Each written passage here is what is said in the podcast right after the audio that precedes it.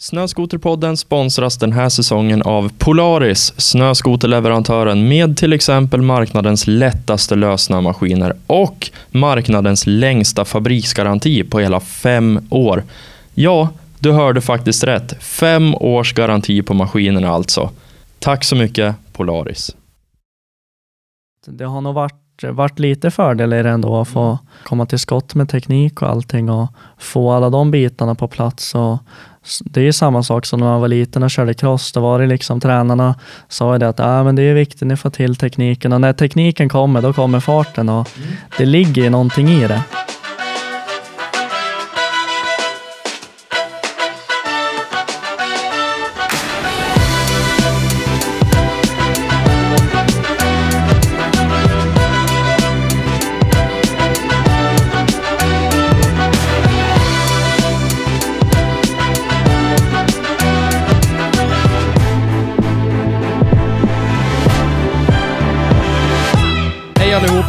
Varmt välkommen till ännu ett härligt och alldeles underbart avsnitt av Snöskoterpodden. Det är avsnitt nummer 21 i ordningen och idag så ska vi prata om något som har efterfrågats av många olika personer vid ett flertal tillfällen, nämligen skotercross. Och det är ju verkligen på tiden enligt mig. Dagens gäst är en person som har imponerat på mig personligen under väldigt lång tid. Han är endast 21 år gammal och för er som vill bygga på åldersnojan lite grann så kan jag säga att han är född år 1999. Trots den unga åldern så har han redan hunnit vinna både SM-guld och blivit nordisk mästare i provstockklassen i skotercross. Jag pratar självklart om Oskar Englund som har en minst sagt ljus framtid inom skotercrossen. Oskar Englund, hjärtligt välkommen till Snöskoterpodden. Tack så mycket Erik, tack så jättemycket. Hur känns det att vara här? Nej men det känns, eh, det känns superbra, kul att få, kul att få vara med. Ja, härligt. Hur mår Oskar Englund en novemberdag som denna? En novemberdag som denna, är jag mår jättebra. Kylan börjar faktiskt komma lite, Ja, men lite, faktiskt. lite sent men den är på G. Fick eh, lägga första passen på snöskoten härom helgen så att äh, men det, känns, det känns superbra. Ja, jag såg det på din Instagram. Jag varit lite förvånad. Bara, ja, snö redan nu. Sen kollar man ut genom fönstret. Då, just den dagen, då tror jag, då regnade det faktiskt här hemma i Sundsvall. Då kändes det bara, ja, vissa har det bra, får åka skoter. Ja, äh, men jag måste faktiskt säga att det, det regnade faktiskt där vi var också. Vi var i Lima och körde, eller ja, rättare sagt Kläppen i, i skidbacken hos eh, Adam Renheim och Martin Johansson. De, hade, de har sparat snö sedan i fjol så att det, det, ja, det är därför vi kan köra för att det är ingen snö där heller annars. Nej, fasen vad sjukt. Hur gör man om man ska spara snö? Ja, de samlar ihop snön och eh, lägger bark över det för att, för att täcka från, ja, från värmen. Då, från, det är väl mot typ ja, solvärme och Ja, okej. luftvärme. Men kör de, eh, alltså tar de från slalombacken som kör med snökanoner för att bygga snö? Ja, det var sparad snö från skidbacken och den är väl bättre att spara det, just den snön också. Kanonsnön håller sig bättre än ja, vanlig natursnö. Så att, Ja, just det. Ja, men det är väl, det är väl vettigt att ta därifrån då. Men ni var alltså i skidbacken och körde? ja, precis. Ja, vi var mitt i, mitt i skidbacken, precis ja, i, i parken eller vad man säger, där de har alla skidhopp och grejer. Så att det är väl där de har störst möjlighet att samla ihop mycket snö också. Ja, just det. Men det är bara då på försäsongen ni är där och tränar, för sen så kommer det där pistas över och sen så blir det ja, till fördel till alla glada skidgäster Ja, men som vi precis. älskar. Ja, nej, men det blir ju det blir ju nu under försäsongen och jag vet att Adam har gjort det något år, något år innan också. Eh, Jag tror det var 2000, till säsongen 2018 för då var jag där och körde, körde en helg också och sen har han inte gjort det något mer förrän nu som jag har förstått det men jag kan ha fel också. Okej. Ja, äh, vi ska gå in på skotercrossen lite senare, men eh, vad har du gjort idag? Idag, jag har pluggat på morgonen, käkat lite lunch, pluggat mera, varit ute i garagen en liten sväng och ja, sen har jag kommit hit då. Ja, du har haft en ganska härlig dag med andra ord. Ja, men då har det varit en ganska, ganska lugn dag faktiskt. Tagit det lugnt, ingen, ingen träning idag. Det fick bli, det fick bli vila och plugg. Ja, men det, plugget är väl kanske ett ont måste. Ja, det är så. Skulle du säga att det här är en vanlig dag för dig? Ja, alltså bland annat. Det är väl oftast så är det ju något inslag av träningen vanlig dag egentligen. I alla fall ett ett eller förmodligen två pass om dagen brukar det bli. Men man måste vila också och beroende på hur, hur situationen ser ut med skoteråkning och med studier så må man planera om ibland. Så idag skippade jag. Idag blev det ingen träning i alla fall. Nej, nej men så är det väl. Vi känner ju varandra eh, via crossåkningen eftersom vi har kört crossskola i Njurunda båda två. Och det ska väl tilläggas att bara för att vi har kört cross tillsammans så innebär det inte att vi är på samma nivå. Jag är ju såklart mycket bättre. Ja. Ring, ring. Eh, men jag, jag har ju lite koll på dig, men jag Ja. misstänker att poddlyssnarna, de har ju förmodligen inte jättebra koll på dig. Så jag tycker att vi, vi börjar med att gå igenom vart du är född och uppvuxen någonstans. Eh, jag är född och uppvuxen här i Sundsvall på, på Sjönsman. Jag har bott där ja, ända sedan jag var, ända sedan jag var nyfödd. Samma hus. Samma hus. Det är jag liksom. Du har, har gått skola där också. Ja, jag gick, på, jag gick grundskolan på Sjönsmån, ettan till femman. Sen gick jag på Helios i Sidsjön faktiskt, sexan till, sexan till nian. En lite mindre skola. Det var ganska, ganska trivsamt och bekvämt där. Ja. Hade du några speciella drömmar när du var liten? Ingen så här typ att du ville bli polis eller brandman, eller Eh, advokat? eller- Jo, äh, men när jag var liten så hade jag väl i alla fall lagom med poliströjor så att jag kunde ha det varje dag. Så att, Okej, äh, men, du hade så mycket? Ja, du har en liten fetisch för poliströjor? Ja, men poliströjor, det var liksom min grej när jag gick på dagis och så tyckte det också var jävligt kul med maskiner, grävmaskiner och traktorer och grejer. Men eh, ja, polis är ingenting jag är idag i alla fall. Och, men någon maskin kan man ju få sitta ibland. Nu ute på Njurunda där jag tränar skoter, kör ganska mycket pistmaskin och ibland händer det att jag man sitter i någon traktor och så vidare. Så att lite grann får man ju hålla på i alla fall. Ja, men det är väl positivt. Om det, om det är det du tycker är roligt. ja, nej, men det är väl det är väl kul. Det är väl lite terapigöra. Ja, men gud ja. Och särskilt när du, när du, du sa att du pluggar också.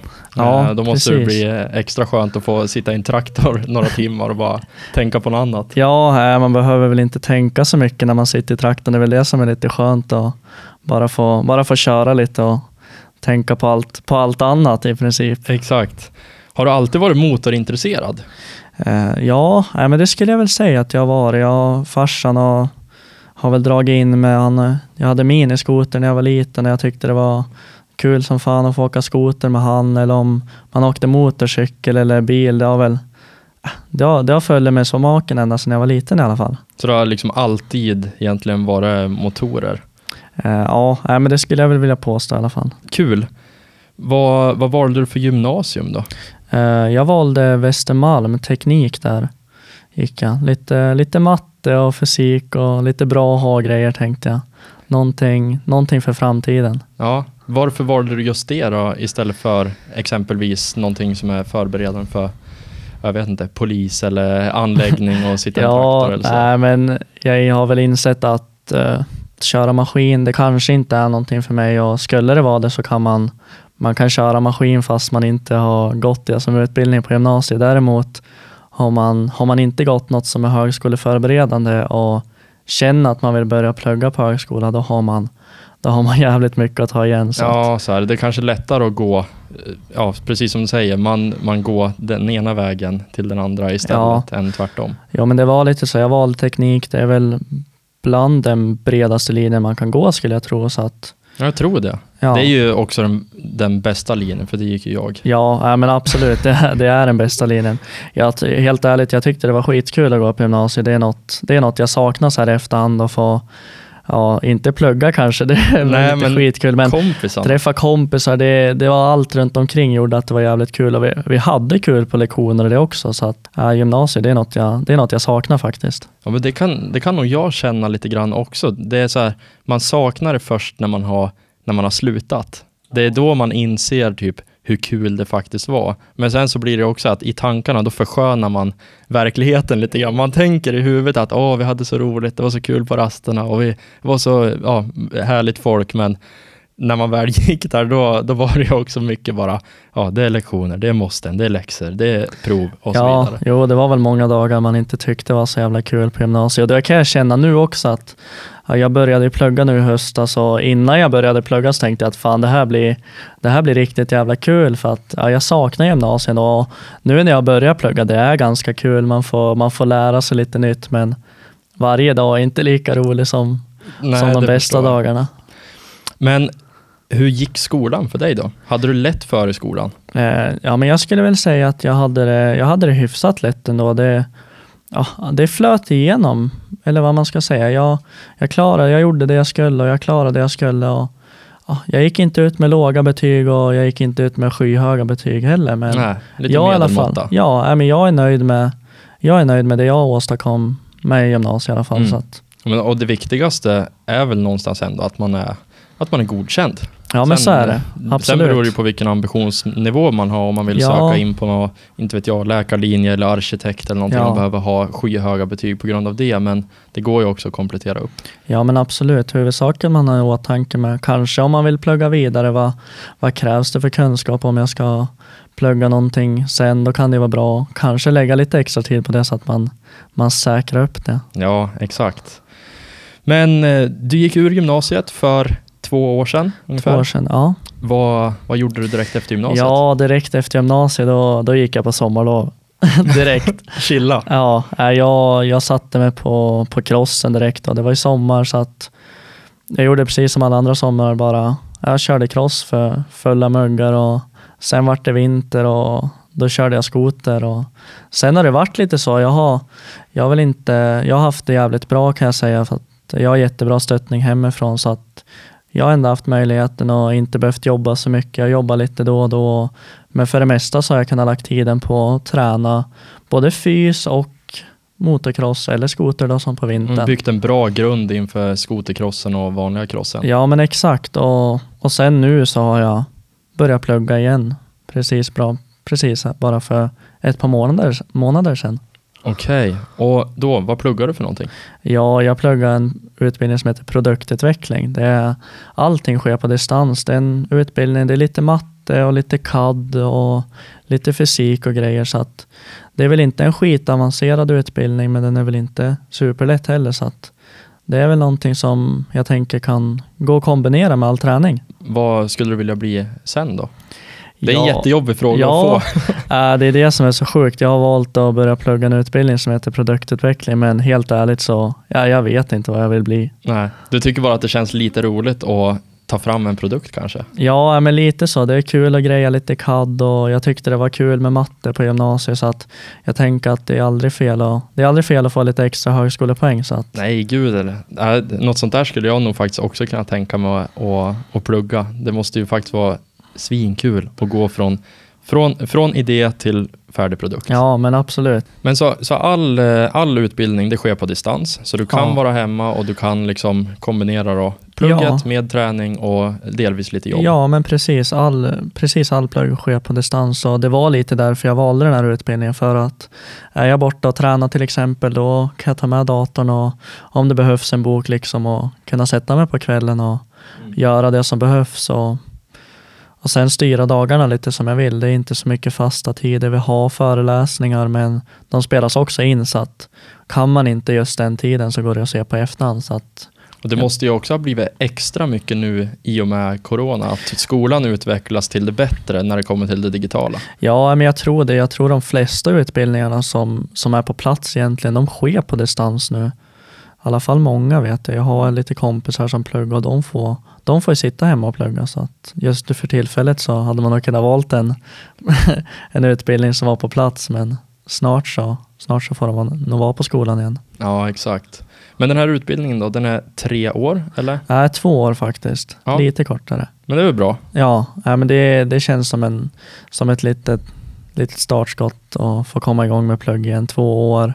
Jag får se om jag, om jag går klart utbildningen eller om man kanske byter på vägen. Det, Manjana, manjana. Ja, nej, men det är mycket som kan hända så är det ju bara. Och oavsett om man går en hel utbildning eller inte så får man ändå med högskolepoäng på avslutade kurser och det är ju det är alltid bra. Så är det. Viktigaste är att avsluta och sen det absolut viktigaste det är ju faktiskt att lära sig någonting. Ja, nej, men exakt. Och det kan ju vara att man hittar någon ny utbildning. Det kommer hur mycket utbildningar som helst. Och det kan ju vara en ny utbildning som faller med ännu bättre i smaken eller något som låter intressant. Och, ja, man kan byta och testa. Och, Nej, men det, jag tycker att det där är en jäkligt sund inställning till, till ehm, allt som har med pluggande att göra. Någonstans, det, det handlar ju inte om att plugga bara för att plugga, utan det handlar ju om att plugga för att lära sig någonting. Ja, men Och det exakt. blir, tycker, du, tycker du att det är roligt, ja men då lärde du förmodligen någonting. Tycker du inte att det är roligt, ja, då kommer du ju inte lära dig det heller. Nej. Och då har du ingen nytta av det Nej, sen. då blir det, det roll blir ju bara en möda. Det är ju någonting man bara gör för att,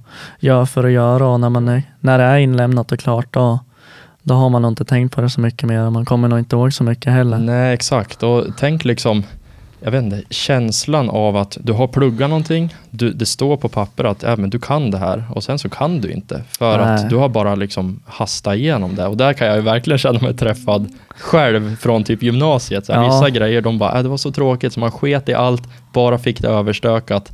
Men på papper, då står det ju ändå att jag kan det här och det Ja, kan ju men bli exakt, lite missvisande. Så var jag också i gymnasiet. Vissa, vissa kurser eller vad man säger, de, de gick man ju bara rakt igenom. Man var nöjd att man klarade allting men sen var det inte så mycket mer med det. Och andra kurser som, som man var jäkligt intresserad av, de behövde man inte lägga ner så mycket tid på utan det, man, lärde det, man lärde sig det lätt för att man var så jävla intresserad. Ja, men exakt.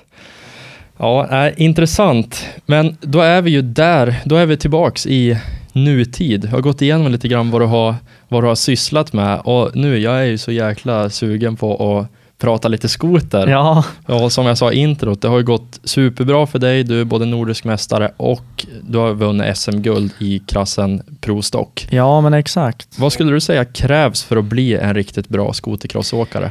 Ja, men det som krävs för att bli en bra skoteråkare, ja, man må ju, man må ju vara en målmedveten chaufför som vet vad man vill och man behöver även ha folk bakom sig. Så ett, ett helt team skulle man behöva.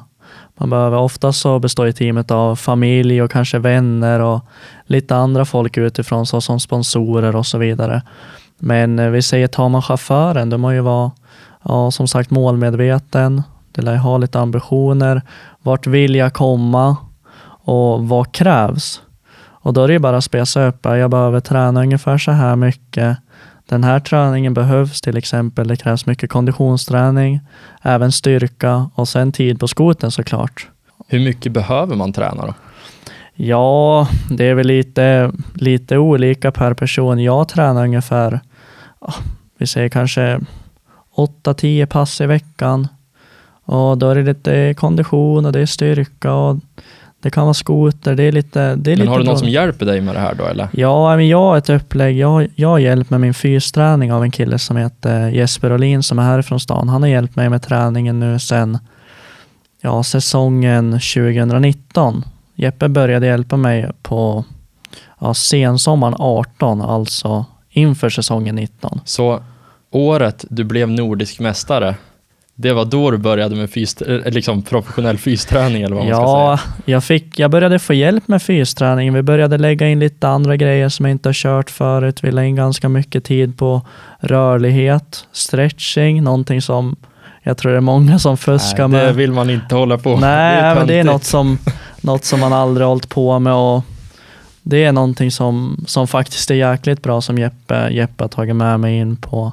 Och han har ju lagt in massa andra saker också men det kan jag ju inte säga här. Nej, exakt. Man vill inte ge tips till alla andra. Nej, men det går ju inte. Nej, men Jesper har Jesper hjälper mig oerhört mycket med fysträningen och det som är så jävla skönt är att vi käkar lunch jävligt ofta. Det är så vi oftast träffas och just nu så är Jeppe, han är borta på jobb, men annars, vi äter nästan varje dag. Då kan vi ha ett rullande schema.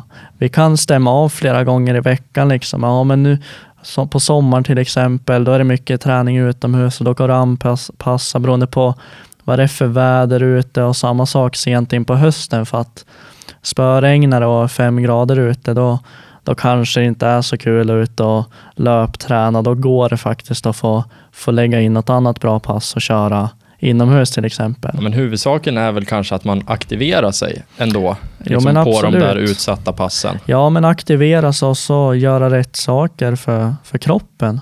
Och även lära sig att lyssna på kroppen. Att ibland då kan det vara att nej, men vi skippar det här passet för att vi må vila. Och så är det. Ingen är Stålmannen, i alla fall inte jag. Nej, nej, men så är det ju. Man måste ju lyssna på kroppen och det säger väl de som är absolut bäst tränade också. Att man måste, alltså kroppen behöver återhämtning för att också kunna bygga upp sig. Ja, men absolut, så är det. När man är helt slut så då kanske man inte behöver köra ett till grispass. Däremot så är det viktigt att även få, få mata ur kroppen ibland och få bli riktigt jävla utsliten och må illa efter en träning. Det är inte skitkul men i efterhand när det har lagt sig då är det ganska, då är det ganska skönt Då är det faktiskt. härligt. Då Ja. känner man att det har tagit. Ja men så är det.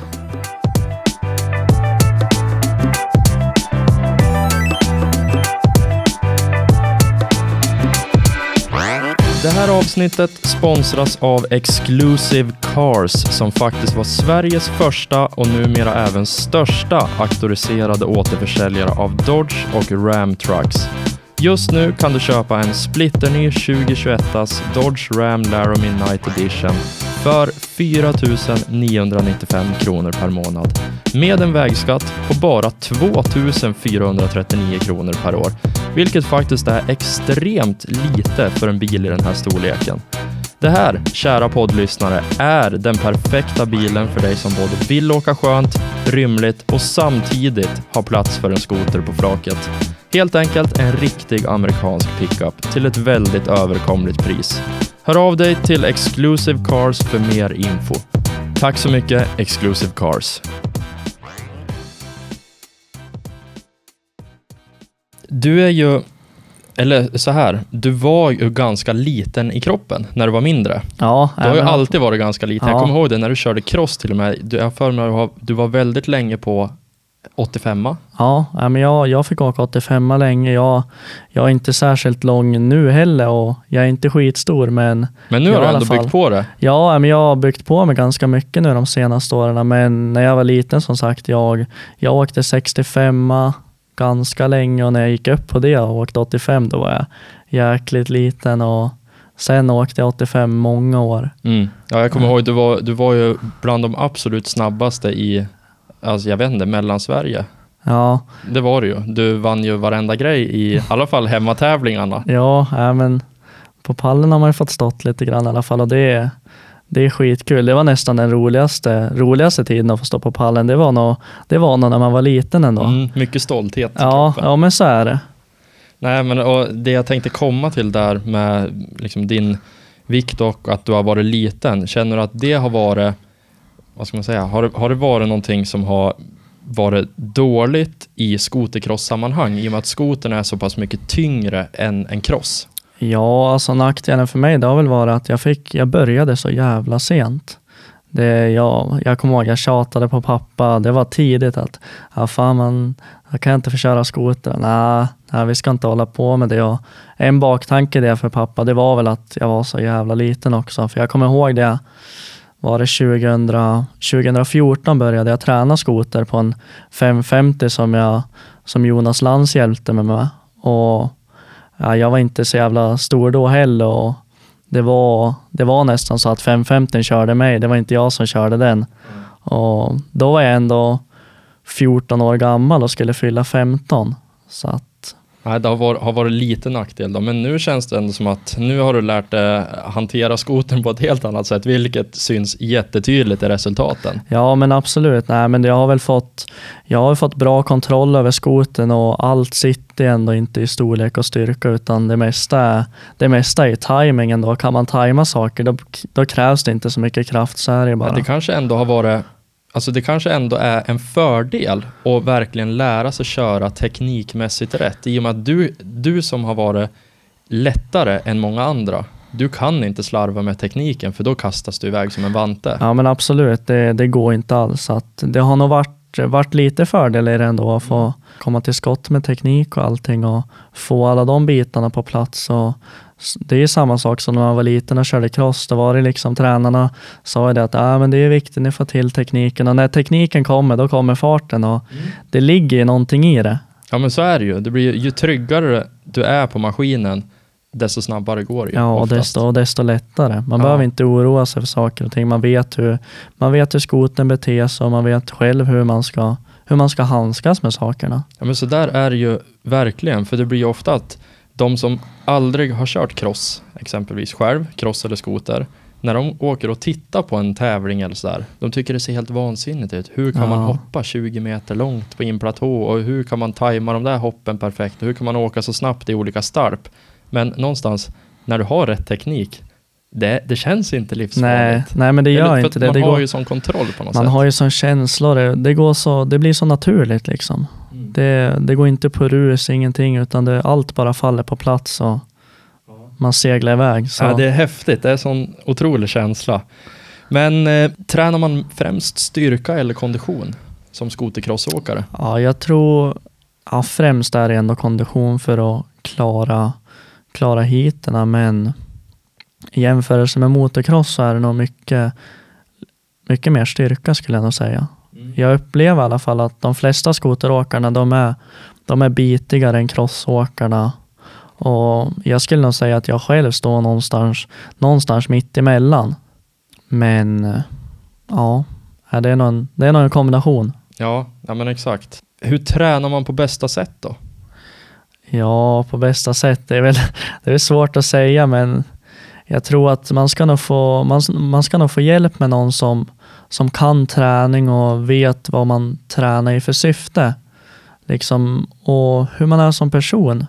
Är man, är man jävligt stark som person och det, då kanske man måste börja lägga större del på kondition. Och, ja, eller har man dålig styrka, då kanske man måste lägga mer del där av träningen. På styrkan och bygga upp kroppen och vara stark. Och man ska ju tåla lite smällar och det. Och är man för vek då, då viker man ihop sig ganska lätt. Ja, men så blir det ju verkligen.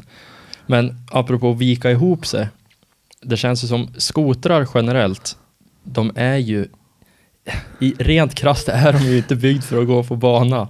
Det är ju mycket mjukare grejer än exempelvis en cross som Ja, är helt byggd Nej, för men så är det. En, en motocross är byggd för att gå på crossbana och en skoter, en skoter är inte byggd för att gå- på en skotercrossbana oavsett om man säger att den, det är en racemaskin eller inte. Men dagens skotrar, det, det märks från att, från att jag började köra, det är bara ett par år sedan, att de börjar hålla jävligt mycket bättre. Och de blir så mycket lättskruvade. Allting, de har börjat anpassa, de vet, man vet att saker och ting kommer gå sönder. Och vet man vart det går sönder, då kan det vara lätt, bra att bygga en skoter så att de grejerna går att byta på ett lätt sätt. Och, Ja, för jag noterade till exempel Lynx nya, eller ja, nya nya, den kom väl i fjol tror jag, eller om det var två år sedan. Med hela eh, på tunneln är gjord av plast. ja, ja, men precis. Och det måste ju ha utvecklats på grund av att det har krökts tunnlar. Ja men så är det. Ja, det är många som har krökt tunnlar om man slår över framlänges kanske eller blir påkörd. Och den nya bakdelen på Lynxen då som är plats, plast, det finns väl lite både för och nackdelar såklart. Man, man byter den på ett par minuter i alla fall så att blir det en påkörning då, då kanske den viker så eller gav och då är det bara att byta den efter hit. Ja, då är slipper, det bara en plastgrej. ja, slipper, slipper man rikta tunneln liksom. Ja men exakt. Nej, och det jag tänkte komma till det är vad behöver man göra för att en skotercrossmaskin ska hålla? Det är väl lite små grejer beroende på. Man kan, man kan ju förstärka vissa saker. Det vet jag att alla, alla gör ju det oavsett märke. Och sen är det liksom tar man de nya så det är inte skitmycket man behöver förstärka. Det är några, några små grejer. Man kanske byter någon bult, bult som man vet kan smälla av till, till en kraftigare eller att man sätter en plåt på något visst ställe. Men ja, de, de senaste åren nu, det är inte, det är inte mycket vi har. Det är så? Ja, Okej. men sen är det liksom, det är lite fjädring som vi byter och lite variatorgrejer, men den håller inte bättre för det. Nej, så är det. Snarare sämre när den går hårdare. Ja, ja, det är väl lite så. Ja. Men vilka modifikationer är måsten för dig personligen då? Vad Ja. byter du på dina maskiner? Mig personligen, det, det viktigaste för mig det är att ha bra fjädring för att kunna ja, men köra hårt och skoten ska gå fint på banan och sen för att, för att kunna vara med i en start så måste jag göra i variatorerna. Och det är väl de två, två modifikationerna som, som jag måste ha. Fjädring och, fjädring och variatorer helt enkelt. Okej. Vad, vad har du för tillslagsvarv? Tillslagsvarv, ja, det låter jag så okunnig. Jag har faktiskt inte, jag har faktiskt inte helt 100% koll på det. Nej. Jag har tror att det- att det brukar ligga mellan Ja. fem och ett halvt och sex typ. Ja, jag, tror, jag tror jag ligger nog ungefär på, kan det vara sex kanske? Sex och ett Ja. halvt? Eller om det är fem och ett Ja, halvt? ja, jag, jag tror att det, det brukar ligga Ja. någonstans där. För jag, jag har provkört någon racemaskin och det är ju man är så här, man varvar upp, man varvar upp och man bara, vad fan är det något fel på den här? Den Ja. går inte iväg. Och sen så kommer det upp liksom det, är, det låter så högt så att skotern i princip håller på att spränga, tycker ja, man som ja, vanlig. men det är lite så. När man inte har kört så mycket själv. Nej, men det är och sen så högt. bara smäller det till så rycker han iväg. Ja, nej, men det är högt tillslag och nej, jag kollar ju alltså jag kollar ju aldrig på varv, varvräknaren oavsett om jag kör eller om jag gör en start. Så att därför har jag, därför har jag fan inte koll på det. Nej, Jag kollar bara på, det är fokus på annat. ja men det är ju det. Man känner ju när, man känner när det ska slå till så att då håller man lite broms. Det med, gäller att han, är, att han är som en strömbrytare. ja men så är det. Antingen är det ju på eller av. Exakt. Men du håller broms när du, när du startar alltså? Eh, Ja, men jag håller lite broms för att ifall man skulle komma över tillslaget lite så vill man ju inte hoppa fram och åka på en tjuvstart. Nej. Vad händer då när det blir tjuvstart? Ja, straff i skotercross? Ja, men precis. Det blir ett litet straff. Det blir omstart och så den som tjuvstartar, alltså sticker iväg före man får köra iväg, han, ja det är avstängd skoter. Och så Ja, man du får starta med avstängd skoter starta med avstängd skoter. Man får ha nödstoppen i i alla fall, så att då är det bara att rycka i snöre. Men ja, man är inte först i böjen då i alla fall.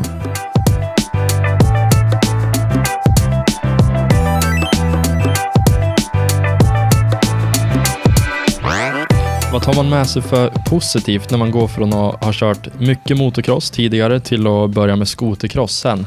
Eh, ja, men det, jag tror det är känslan. När man kör motocross då har man så jävla mycket känsla för, för det man gör. För motocrossen, allting i, i motocross det handlar om att ha ett flyt. På, när man kör skoter då kan man, man kan bomba på ganska hårt och åka ganska orytmiskt. Och det, men det känns som att ska man komma, ska man ta sig någon vart i skotern så gäller det att få, få till den där känslan, den där motocrosskänslan så att jag tror man, man kan nog bara ta med positiva grejer från att ha kört motocross. Man kanske lär sig läsa terrängen på något sätt. Så här, Men se, ja, läsa terrängen och så se att man kanske kan dubbla där istället för att åka och hoppa emot eller ta det lugnt på ett ställe för att kunna hoppa på ett annat. Jag tror att man, man kan nog räkna ut lite, lite sådana grejer lättare när man har kört motocross. Ja, men det, det kan jag verkligen tänka mig. Det blir att man, man läser banan på ett, på ett annat sätt kanske. Ja, man kan rida över några knölar och man kan köra lite motocross med skoten helt enkelt. Ja. Men en fråga jag har det är varför gör de skotercrossbanorna så att det typ inte går att tajma dem? det är så här, det brukar vara typ något platåhopp, någon liten knöl och sen så kan det vara så kallade whoopisar eller wave-sektioner Ja, som inte går att tajma. Typ. nej. Varför gör jag, de banan jag, så? jag, tror att, jag tror att de har tänkt att oftast är tanken att man ska kunna hoppa och det brukar vi alltid kunna göra nästan när vi åker ut på träning på en tävling. Då kan de, jag tror att de bygger lite som att ah, nu ska vi göra utmanande så att när vi kommer ut på träningen då är det full gas som gäller för att ta sig över hoppen och det och sen när vi har kört lite på den, den blir så sliten banan direkt, man skottar så mycket snö så att det blir nedkört så att då går det nästan inte att hoppa och jag tror det är det som blir, blir lite fel ibland att de gör grejerna lite för, lite för svår så att när det väl är Ja, när, när man final, har, ja, exakt, när man då- har gasat ner de där kickarna så att det inte är så mycket att hoppa på, då Nej, är men det svårt. precis. Så då blir det väldigt svårt. Men ofta så kan man ju se x antal åkare ändå som, som kan få till det jävligt bra, få till tajmingen hyfsat och vissa ligger där och bara bombar på. Men ja, man kan köra på lite olika vis, så är det ju bara. Vad har varit det svåraste då med att skifta från cross till skoter? Ja, men det ska väl vara att man har ju, man har ju två skidor fram och det kan ju slå lite, lite åt sidan och så vidare. Det gör det ju inte på en cross när man bara har två hjul liksom som linjerar med varandra. Så det är väl lite att få till den känslan och verkligen lita på grejerna, för det är det man måste göra. Få till fjädringen och, och lita på att jag vet att skoten kommer gå stabilt över det här och nu är det bara att hålla i och då går det vägen. Att man får, man får till den känslan och lita på grejerna och vet att det funkar och vet vad man har för gränser liksom. Eh, det är väl lite, lite sådana grejer man, må, man måste hitta till när man går från cross till skoten. Och samma sak att den är så jävla tung. Ja, det är mycket vikt att bryta med. Ja, det är mycket vikt och det är samma sak som det är helt annan kurvtagning och man har en tumgas istället för rullgas. Och, men har man fått lagt lite tid då, då faller det mesta på plats bara man ger det, ger det den tid som krävs. Mm. Ja, man, man borde nog komma in i det relativt snabbt och sen som du säger, när man läser terrängen från crosskörningen då blir det kanske ändå naturligare bara man får till de där små Ja, teknikbitarna. men så är det ju. Det är ju en, det är ju en crossbana med Mm. snö. Ja, Så exakt. Ja.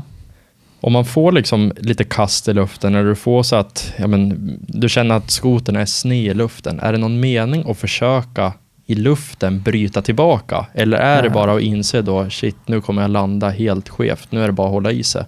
Ja, så beroende på hur man flyger i luften så det är klart att man försöker alltid reda ut, reda ut liksom kastet man får. Det måste man göra nästan, nästan så fort som möjligt innan det har blivit för stort. Och blir det ett stort kast då är det bara, då är det bara att hålla full gas och hoppas på att man, man kommer klara det. För släpper man av då är det, då är det 100% chans för krasch men full gas då, då är det ganska stor chans att man klarar det i alla fall. Är det liksom, det är den absolut sista utvägen, det är att hoppa av?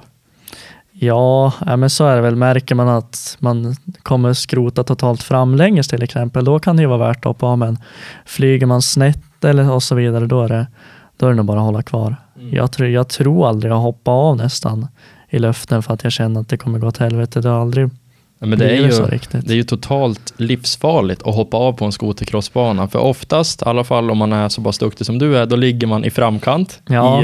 i, i liksom heatet. Och då betyder det att du har ett tiotal personer bakom det också. Ja, exakt. och då vill ja. man inte gärna hoppa av och bli liggandes mitt i banan. Nej, nej, men då är det nog bättre att hålla sig kvar vid skoten och hoppas på att, hoppas på att det ska reda ut sig. Förmodligen så kommer det göra det. Förmodligen kommer det gå bra.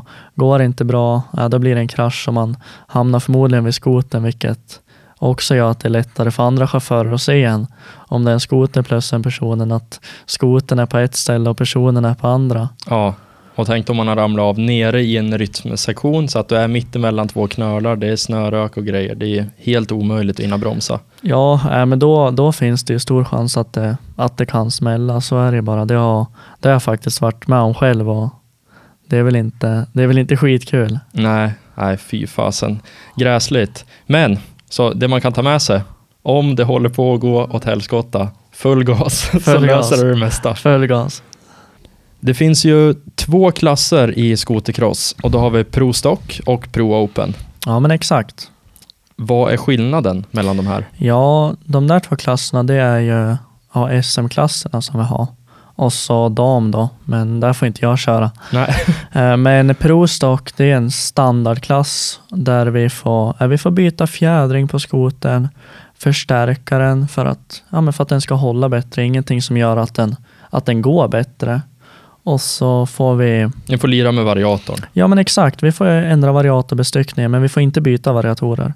Utan det ska vara originalvariatorer. Vi får byta fjädrar och ramper och ja, det, som, det som vi vill inuti men inte själva variatorerna. Just det. Och absolut inte då byta något avgasrör eller... Nej, men exakt. Vi får inte göra det. Så att, ja, det är en standardklass där vi får förstärka och göra lite, lite små modifikationer helt enkelt. Men i Pro Open då, vad är det som skiljer? Ja, i Pro Open där får man göra i princip vad man vill. Men man får inte öka cylinder, cylindervolymen som är 600 kubik.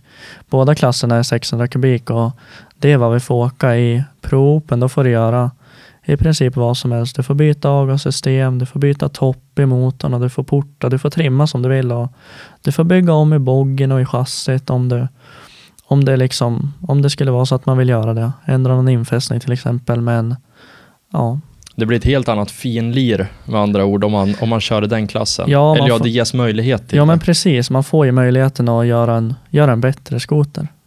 Tror du att det kan vara till och med sämre och börja modifiera för mycket?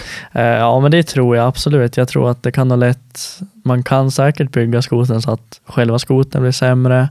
Och sen tror jag även att man kan, man kan nog bygga upp mycket hjärnspöken på sig själv och liksom förstöra sin egna mentala bit om det, om det grejas alldeles för mycket. Ja, ja, men det tror jag också. Men en liten nyhet då, det är ju att du faktiskt kommer köra Pro Open-klassen den här säsongen. Ja men exakt, jag, jag kommer gå upp nu till Pro Open och köra det i år efter, efter x antal år i standardklassen. Då, så att, Hur känns det? ja, men det, det ska bli skitkul, köra mot lite andra chaufförer och, och även få möjligheten att bygga om lite saker på skoten om, om det nu blir så. så att, Men det här är ju alltså värstingklassen. Det finns ingenting högre i Sverige. nej men precis. Så nu det- kommer du tävla mot den absoluta eliten. Ja men exakt, det blir, det är storklassen, storpojkarna helt enkelt. Oskar Englund, 21 år gammal, ska alltså tävla mot de absolut största i landet. Ja, nej, men det ska, bli, det ska bli superkul att få gå upp ett steg och få lite nya mål och möta lite nya chaufförer. Så att, Skräms du lite av tanken?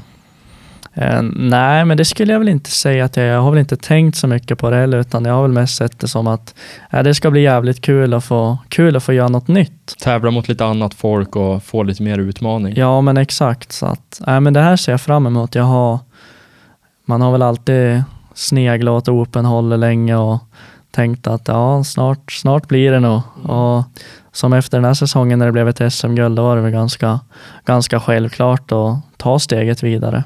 Absolut. Ja, men då, då har du ju redan klättrat till högsta nivån i den klassen. Ja, då är det exakt. dags att börja om i Ja. nästa. Helt rätt. Men vi är ju inne i en pandemi nu. Vi sitter i Sundsvall båda två, men vi håller självklart avstånd och spritar mikrofoner och händer och allt som går. Ja, Eh, Men hur påverkas racing-säsongen av Ja, coronapandemin? ja, alltså helt ärligt så den kan påverka den hur som helst. För tillfället så får vi inte tävla. Vi får träna. Vi har fått speciella restriktioner hur, hur banor och så vidare får hålla öppet så att det är superbra att vi i alla fall får träna. Och, men när det kommer till tävlingen så för tillfället så får vi inte tävla och Svema har ju lagt tävlingarna ganska sent i år. Och de har väl haft i åtanke om att det är pandemi nu och har vi tur så går det mot, ett, mot rätt riktning. Mm. Och så att tävlingarna är inte lagd förrän i februari. Och jag tror att det finns goda möjligheter för att vi i alla fall ska få köra publikfritt SM-serien då. Ja, för det, ni håller ju ändå distans på banan, Ja, vilket exakt. borde vara positivt. Jo, men så är det ju. Så att de har lagt SM-deltävling nummer ett. Jag tror den ligger ungefär i mitten på februari och eh, sista tävlingen är i slutet på mars. Och nu sitter vi liksom i november så att det är mycket som kan hända och vi får ju hoppas att, hoppas att den här vågen går, går neråt med alla smittade. Och, Ja, eh, det är ju bara hålla tummarna och ta sitt ansvar helt enkelt så att det inte blir ökad spridning. ja, men exakt. Jag eh, gjorde lite research på dig här innan och då googlade jag ditt namn och sen så skrev jag skotercross och sen så googlade jag ditt namn och skrev Sundsvall och sen så såg jag lite grann vad jag fick upp och en rubrik som jag fastnade på det var Sundsvalls Tidning som hade skrivit Njurundas 17-årige talang tackade nej till proffskontrakt i USA. Det kommer fler chanser, Ja, men, sagt. ja, men exakt. Hur Eh, fick du den här möjligheten? Ja, nej, men jag har varit kontaktad, kontaktad via Facebook faktiskt av ett, av ett team i USA och för tillfället så åkte jag Lynx som jag även gör nu. Och det var då ett team som, som körde Polaris som kontaktade och det var ganska sent på in, på in på vintern. Det var precis innan de nya skotrarna skulle komma och jag hade gjort klart allting här hemma för att, för att lägga en till säsong. Det var andra året jag körde i stockklassen. Så att, äh, men det var klart att man vart, man vart lite vart jävligt glad när man fick ett sånt där meddelande. Och det var ju kul, men det var väl inte riktigt det jag ville ha och med tanke på att det var så jävla sent och jag gick i gymnasiet och pluggade så då valde jag att jag stannar, jag stannar hemma, jag har det bra hemma, jag har bra stöttning och jag kan nog, jag kan nog köra ett par år hemma, bli bättre, göra lite resultat för att, för att få ett nytt erbjudande på framtiden. Ja, och det känns som att får du det erbjudandet när du precis har börjat i stort sett och du är bara 17 år gammal, vad kommer då för erbjudande när du är, inte vet jag, 24 och du har lagt liksom ytterligare sju år? Ja men precis. Det kändes väl som att det är lite bättre att få, få lite, både lite meriter och resultat hemma. Då vet man att åker man till USA på framtiden, man har gjort resultat hemma, då, då har man alltid något att hämta här också. Mm. Så är det. Ja, nej, men verkligen. Jäkligt roligt. Det ska bli svinkul att se vad som händer i framtiden. Och jag, ser verkligen fram emot nu vad som ska hända med Open-klassen här i vinter. Ja men exakt. Nej, men det ska bli superkul att få, få gå upp och racea. Så. Om man ska ge något tips till en, eh, till en nybörjare då? Om, man, om vi har en person här ute nu som, som skulle vilja börja med skotercross. Ja. Vad, hur ska man göra? Ja, men jag tycker att känner man att äh, men skotercross är något jag skulle antingen bara vilja testa på eller börja med. Jag tycker att ja, man må ju ha en skoter att köra med såklart.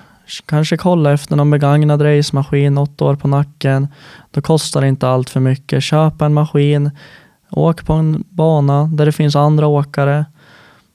Börja prata med de som är på banan, få lite tips och tricks och ut och kör och alla är ju som, det är som en hel familj alla som kör skoter. så Ja, för det är inte så jättemånga som håller på. Nej men det är inte det. Det börjar, det har trappats ner lite. Det är ändå, det är ändå ganska många men ja, jag upplever det som alla är som en enda stor familj och den som vill komma in i den kommer in i den. Så att Mm. Jag tycker att ja, men köp en maskin och åk på Valles till exempel som jag kör på mycket. Där är det mycket åkare och Uppe i Bruksvallarna. ja men exakt. Och ja, men få testa på helt enkelt och det viktiga är att det är kul när man kör. Mm. Och, Och då kanske det till och med i början, man kör ju förmodligen inte så hårt, det går förmodligen inte så fort, det kanske inte spelar någon roll hur välkalibrerade variatorer man har, det kanske inte spelar någon roll hur extremt bra dämpare man har, utan det är mer en fråga om att okej, nu ska jag ut och bara lära mig se hinder eller liksom lära mig tajma banan och sådär och då ja, behöver man inte ha någon värstinggrejer. köra och ha kul och känna att ja, men det här är, om man känner då liksom att det här är något för mig, ja, men då kanske man ska börja lägga upp med lite träning och så vidare för att är det något som är säkert så är det att det är jobbigt att köra. Så är det och speciellt när det börjar gå lite fortare och man tar i lite mer då, då vill man ju matcha upp med, med fysiken också. Så är det. Det ena ger det andra. Ja men så är det så att äh, men ett tips det är ju äh, men köp en skoter, kör, ha kul och utgå därifrån. Mm. Hur mycket kapital skulle du säga behövs för att liksom komma igång på hobbynivå? Ja, men det där är, det är skitsvårt att säga. Jag, vet, jag vet faktiskt inte helt ärligt. Det är klart att har man kört skoter innan då kanske man har lite skydd och grejer. För att det är någonting som är superviktigt. Knäskydd, hjälm, ryggskydd, skor. Och där är ju värt att tillägga att sådana grejer som eller ex- exempelvis bra knäskydd, bra ryggskydd, bra hjälm, det är sånt som man måste investera i innan man har gjort illa sig. Ja, För när du väl har absolut. dragit på dig en korsband eller ledbandsskada i knät, då är knät redan förstört. Då är det förstört. Och, och det ska man ha oavsett om man kör skotercross eller om man friåker. Så skydd är lika viktigt. Om man är ute och åker bland träden och vurp och klämmer benen mellan skoten eller trädet eller slår i fotsteget så är det inte, ja, det är inte skönare att göra det på, i skogen än vad det är att göra på skoterbanan. Nej, kanske till och med värre för att man är så, o- man är så dåligt förberedd på att det ska Ja. hända. Ja men precis. Att har man lite skydd och grejer innan då, har man ju, då är man ju ett steg, ett steg närmare skotercrossen i alla fall. Och sen är det väl ja, investera i en racemaskin då. Ja, Och, men och det behöver inte kosta så jäkla mycket heller för att en, en ny racemaskin, de köps ju helt utan garantier. ja, Och det är ju det är ju praktiskt taget som att köpa en, en motocross. Du har liksom Ja, men ingen, du har ingen trygghet egentligen. Nej. Och det betyder ju också att inköpspriset när de är ny, det är ju lägre än en vanlig konsumentmaskin.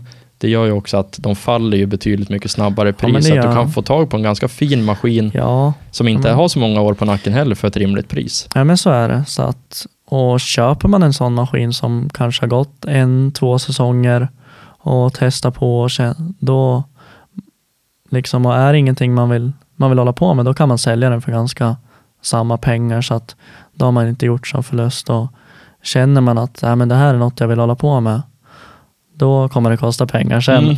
Mm, för allt som är kul kostar pengar, så är det bara. Absolut, det spelar ingen roll vad man håller på med. Nej. Hur mycket kostar en storsatsande karriär? Lite som, eh, typ som du. Ja, äh, men det, det är supersvårt att säga och ska jag vara ärlig så, så vill jag inte ens veta det.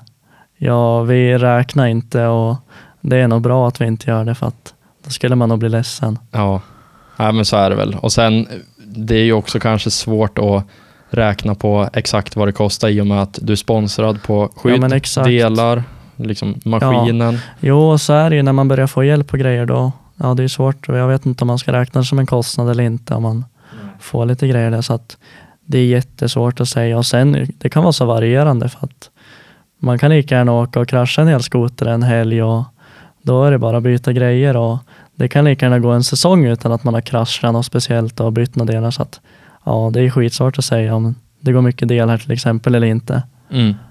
Ja, nej, intressant. Hur ser framtiden ut?